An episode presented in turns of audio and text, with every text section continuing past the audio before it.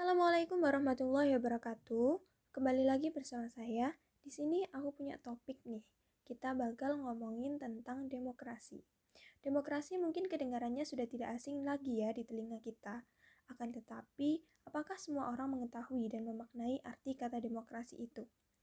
Demokrasi sendiri merupakan pemerintahan yang dijalankan oleh rakyat baik secara langsung maupun tidak langsung, atau sering kita dengar demokrasi adalah suatu pemerintahan dari rakyat, oleh rakyat, dan untuk rakyat. Dan dengan kata lain, eh, rakyatlah yang berkuasa dalam suatu negara tersebut.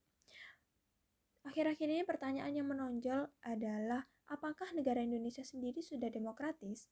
Indonesia sendiri menganut sistem demokratis sejak awal kemerdekaan hingga saat ini, dimulai dari demokrasi terpimpin pada masa Soekarno, demokrasi Pancasila yang digunakan oleh Soeharto selama puluhan tahun menjabat menjadi seorang presiden hingga demokrasi sesungguhnya yang mulai berjalan setelah jabatan Soeharto berakhir pada tahun 1998 yang ditandai dengan adanya pemilu di daerah maupun presiden adanya pemilu daerah dan presiden yang diikuti oleh seluruh masyarakat Indonesia secara serentak dan adil.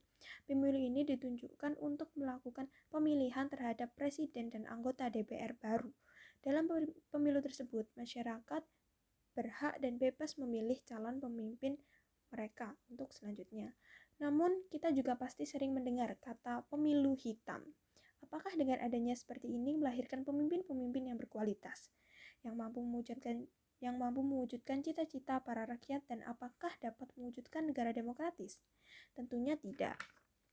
Justru cara seperti inilah para calon hanya memikirkan jabatan mereka dan bukan melaksanakan tugas dan wewenang mereka sebagai calon masyarakat yang baik.